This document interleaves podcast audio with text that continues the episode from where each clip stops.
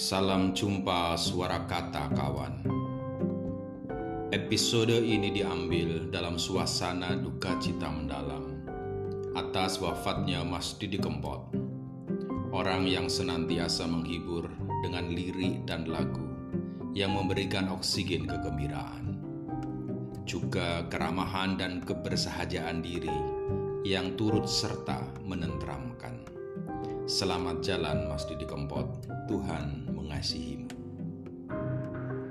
Pada episode kali ini, saya akan membacakan bagian tulisan dari Profesor Armada Rianto, halaman 131 sampai 139. Aku dan fenomen untuk hermeneutika dan riset fenomenologis.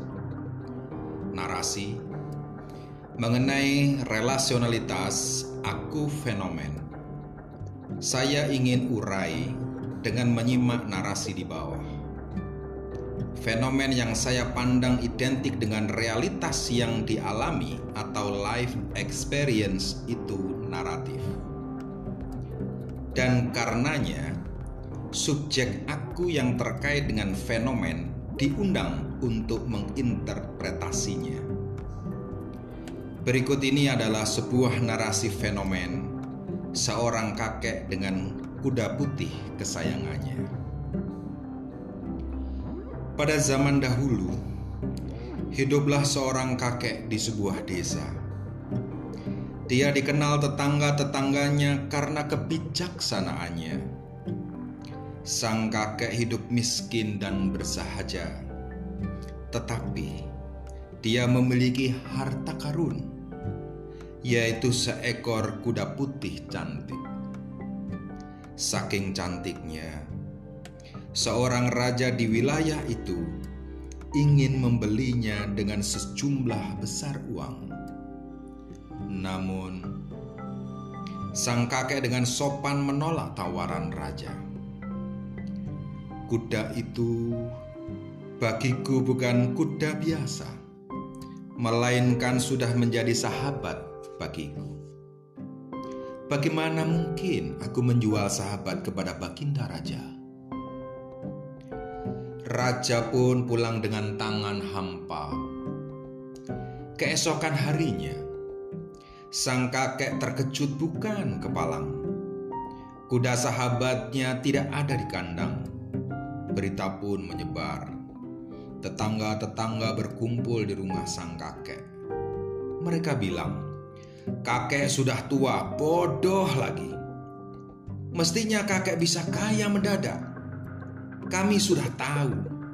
Soalnya hanya masalah waktu saja bahwa kudamu itu akan dicuri orang bila kakek tidak menjualnya. Sang kakek hanya berkata, "Mari kita tunggu. Apakah kuda putihku akan kembali atau tidak?" Tiga hari berikutnya, ternyata kembali juga kuda putih bersama teman-temannya. Kuda-kuda liar dari hutan. Tetangga pun terpana. Mereka bilang, kakek bisa melatih mereka dan menjualnya dengan harga mahal. Sebentar, kata sang kakek. Kita tidak tahu apakah banyaknya kuda ini membawa berkah atau kemalangan. Beberapa hari kemudian, putra satu-satunya sang kakek saat menunggangi kuda terjatuh, cedera, dan cacat. Para tetangga pun segera datang menghibur. Oh, sang kakek yang malang putramu satu-satunya pun kini cacat. Sang kakek menjawab, "Ya, saya juga belum tahu peristiwa ini maknanya apa." Satu bulan berikutnya, kerajaan mengumumkan perang dan mewajibkan para pemuda desa pergi membela negara, kecuali yang sakit dan cacat. Beberapa saat kemudian, Tetangga-tetangga pun kini datang lagi ke rumah kakek, menangis dan meratap. Putra-putra kami pergi untuk selamanya. Kecelakaan putramu menjadi berkat bagi kakek. Sang kakek pun berkata, "Saya juga masih mencari apa makna aneka peristiwa hidup semua ini. Fenomen atau realitas itu naratif. Konsep mengenai realitas sejak Heraklitos menunjuk pada perubahan. Realitas itu mengalir. Perspektif pengalaman hidup kita menunjukkan bahwa realitas itu tidak tetap, melainkan mengalir, berubah, dan punya cerita. Demikianlah realitas hidup manusia. Realitas hidup manusia itu berupa narasi, dan disebut demikian sebab manusia itu sendiri adalah pelakunya. Sebagai narasi, halnya terlihat dari bagaimana manusia memandang narasi tersebut. Manusia selalu mencari makna atas realitas tersebut. Bahwa realitas itu naratif, halnya terkait dengan kodrat peristiwa atau fenomen itu relasional. Sang kakek jelas memiliki relasi dengan kuda kesayangannya. Rupanya, ada juga relasi antara kakek dengan para tetangga, dan yang paling unik, para tetangga juga mengobservasi kuda kesayangan kakek. Pada gilirannya, peristiwa demi peristiwa merupakan narasi, karena satu sama lain terkait berelasi. Jadi relasionalitas fenomen-fenomen menyusun sebuah kisah atau narasi. Fenomen atau realitas naratif itu kerap kontras. Misalnya, dari kisah di atas, kakek miskin tapi bijaksana.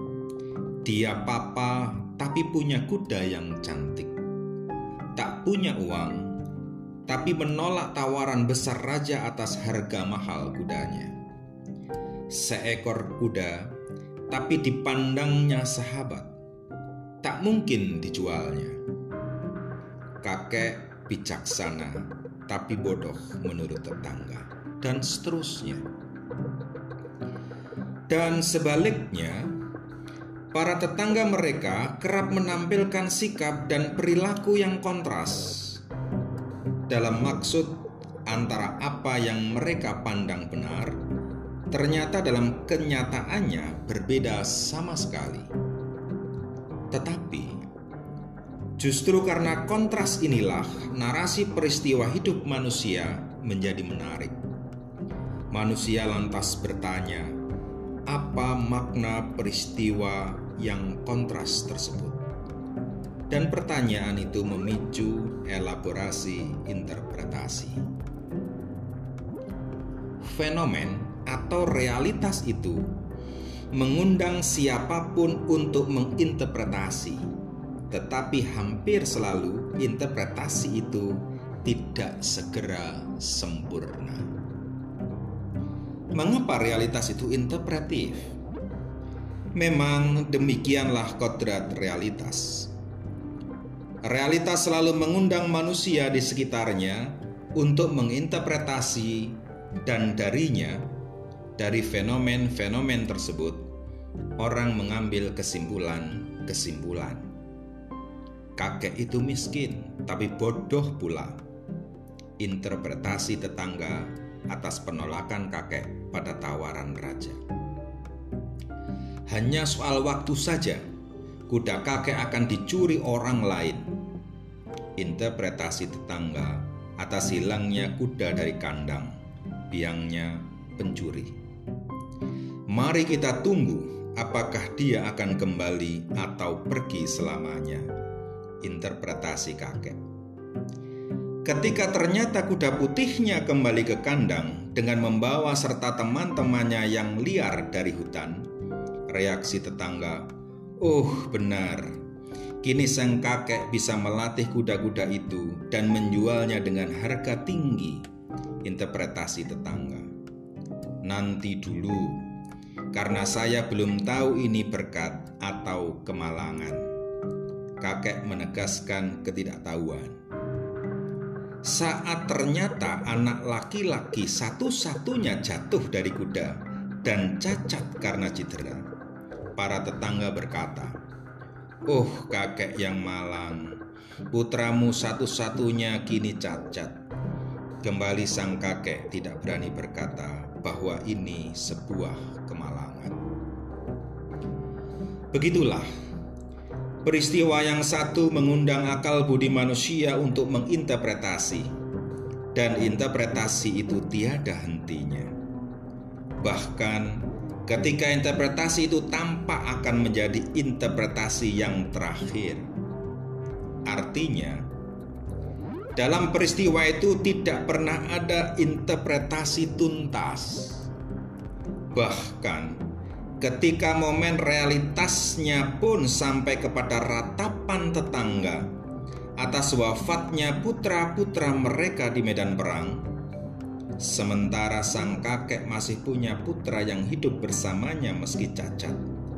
Pada momen itu pun sang kakek berkata, "Saya juga masih mencari makna-makna dari aneka peristiwa ini." Fenomen atau realitas itu tidak hanya intelligibilis, tetapi juga interpretivibilis. Artinya, realitas itu tidak hanya mengundang akal budi manusia untuk mengenal atau mengertinya, intelligibilis, tetapi juga mengundang manusia untuk membuat interpretasi tentangnya dan mencari makna-maknanya. Karena itu, saya menyebut realitas itu interpretivibilis atau realitas itu dapat diinterpretasi. Dan pencarian makna itu ternyata bukan perkara mencari parafrase apa yang tepat untuk menilai atau mempertimbangkan realitas, melainkan juga penginterpretasi atau pencari makna dalam hal ini para tetangga kakek dalam kisah itu, memasuki peristiwa itu dan melibatkan dirinya dalam realitas tersebut. Para tetangga mula-mula mengucapkan kalimat-kalimat interpretif, tetapi jelas kalimat-kalimat itu berasal dari keterlibatan mereka dalam solidaritas atau belas kasih atau kekaguman dengan sang kakek, atau memiliki observasi ketertarikan dengan keindahan kuda sang kakek. Sementara interpretasi sang kakek lebih tampak sebagai keterlibatan yang terus-menerus dalam peristiwa itu, atau sang kakek menghayati dan menghidupi realitasnya dengan ketekunan yang terus-menerus tanpa puas diri dengan pengetahuan akan makna-makna peristiwa itu. Fenomen atau realitas itu naratif berkesinambungan. Seakan begitu, peristiwa demi peristiwa tidak ada yang terpisah-pisah. Sebutlah antara kenyataan miskin dan bijaksana dari si kakek Keduanya ternyata justru berkesinambungan. Juga antara peristiwa kuda, tawaran mahal dari raja, hilangnya kuda dari kandangnya, hingga terjatuhnya anak laki-laki satu-satunya dari kuda, bahkan sampai pada ratapan para tetangga menyusul kehilangan putra-putra mereka di medan perang. Seolah-olah peristiwa-peristiwa hidup itu berkesinambungan. dalam ilmu sosial itu disebut fenomena. Dengan fenomena dimaksudkan bahwa peristiwa hidup tersebut menyembunyikan makna, dan karenanya makna itu harus ditemukan. Jadi, dengan aneka peristiwa hidup manusia, akal budi kita tidak memandangnya sebagai semata-mata peristiwa tanpa makna, melainkan mendeklarasikan makna. Hanya maknanya itu apa? Orang harus melewati beberapa prosedur metodologis interpretasi mana yang benar. Kita coba masuk ke perkara metodologi interpretif mereka. Menarik untuk memperhatikan peristiwa naratif kakek yang miskin dengan kuda putihnya di atas. Ada dua interpretasi dari dua aktor yang terkait dengan peristiwanya. Yang pertama, kakek tua sebagai yang langsung terkait dengan fenomenanya. Yang kedua, para tetangganya sebagai yang berada di sekitar fenomenanya. Di sini, tentu bisa ditambahkan bahwa interpretasi yang menyusul tentu juga yang berasal dari pembaca kisah tersebut. Tetapi Pembaca teks memiliki skema yang berbeda dengan kedua pelaku kisahnya.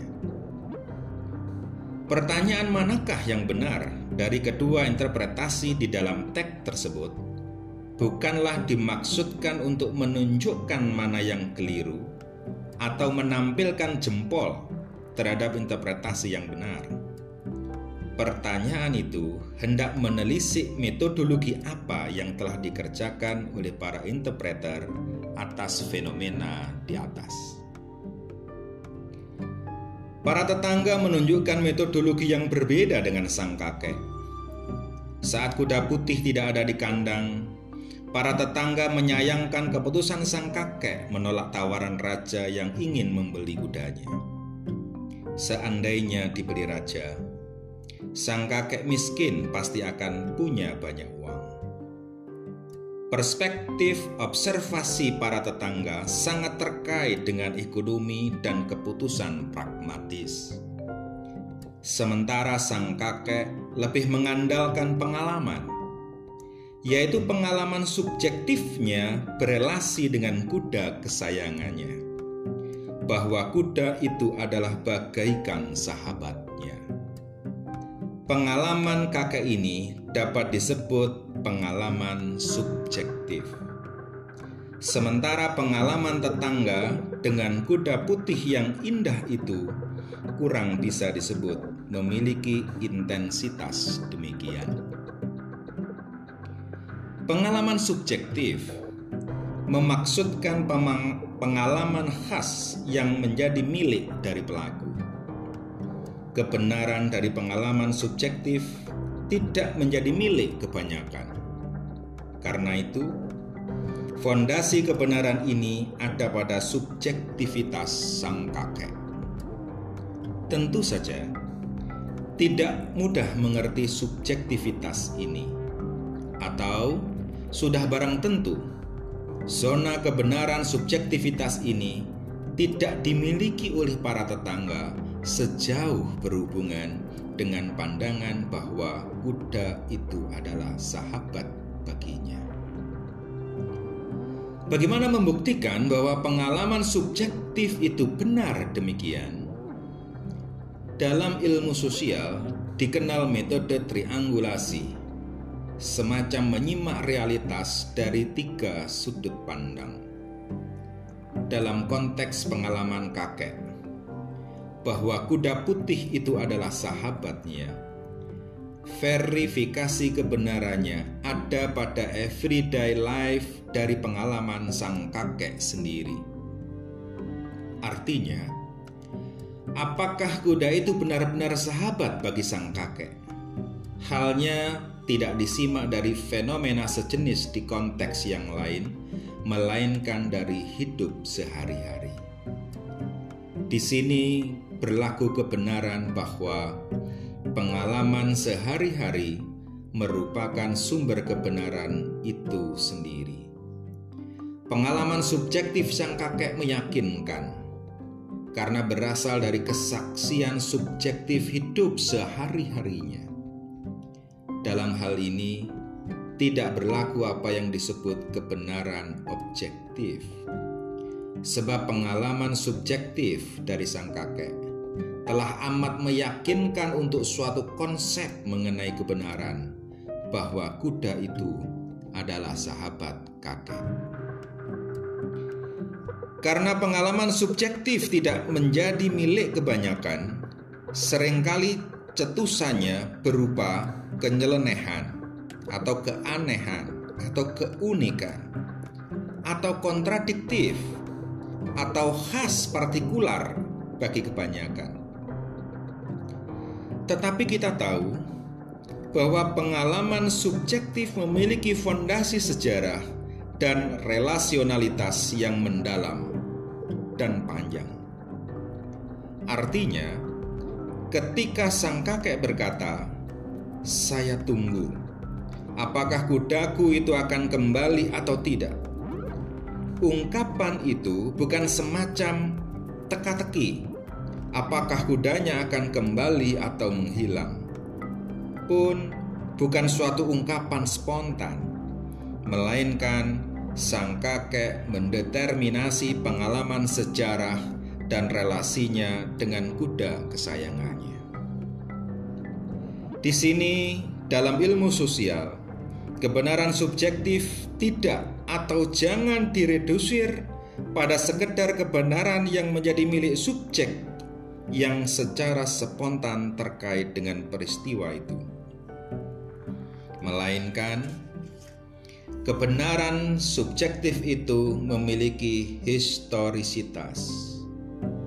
Dengan historisitas dimaksudkan bahwa kebenaran subjektif itu bukan statement atau parafrase pengalaman spontan saja, melainkan berasal dari pengalaman terus-menerus setiap hari yang menyusun sejarah. Pada momen inilah saya kerap memaksudkan bahwa manusia itu ialah penyusun sejarah hidupnya. Disebut penyusun sejarah hidupnya, halnya menjadi mungkin karena pengalaman subjektivitasnya. Di lain pihak, ketika ternyata kuda putihnya pulang dengan membawa serta teman-temannya, sang kakek juga tidak merasa telah menginterpretasi dengan baik atau tidak. Sebab dia juga belum tahu apakah kuda yang banyak itu membawa berkat atau kemalangan.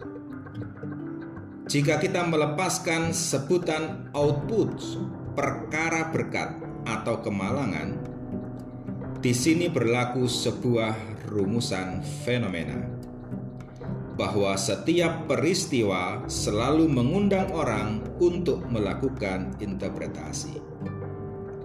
Secara psikologis, pelaku atau subjek biasanya berhati-hati dalam menginterpretasi.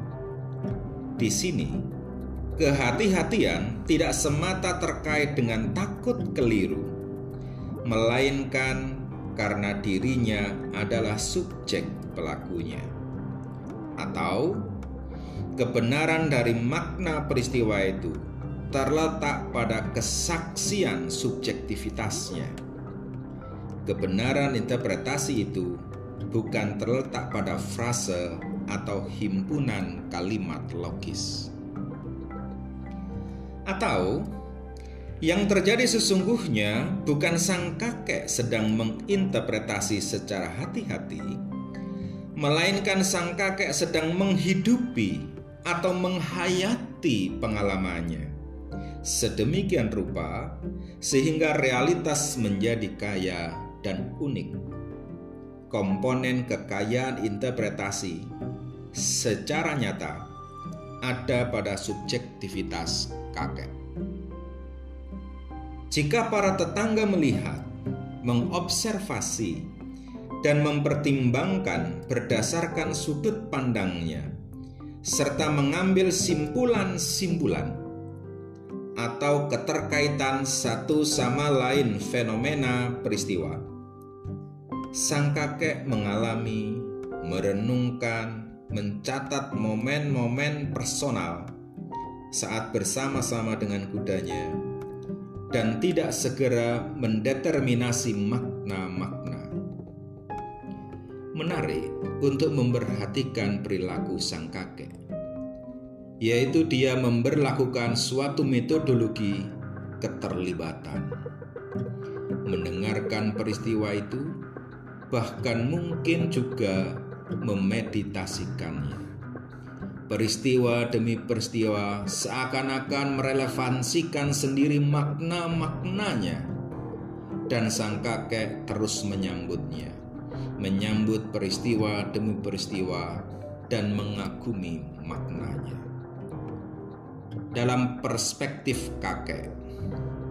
Fenomena yang berupa peristiwa demi peristiwa seakan-akan tidak lain merupakan makna itu sendiri. Barangkali inilah relasi aku, subjektivitas kakek dengan peristiwa terjadi. Relasi itu berlangsung dalam elaborasi pencarian makna-makna dan dengan makna, tidak dimaksudkan frase atau himpunan kalimat, melainkan kebenaran-kebenaran yang direlevasikan sendiri oleh fenomena itu.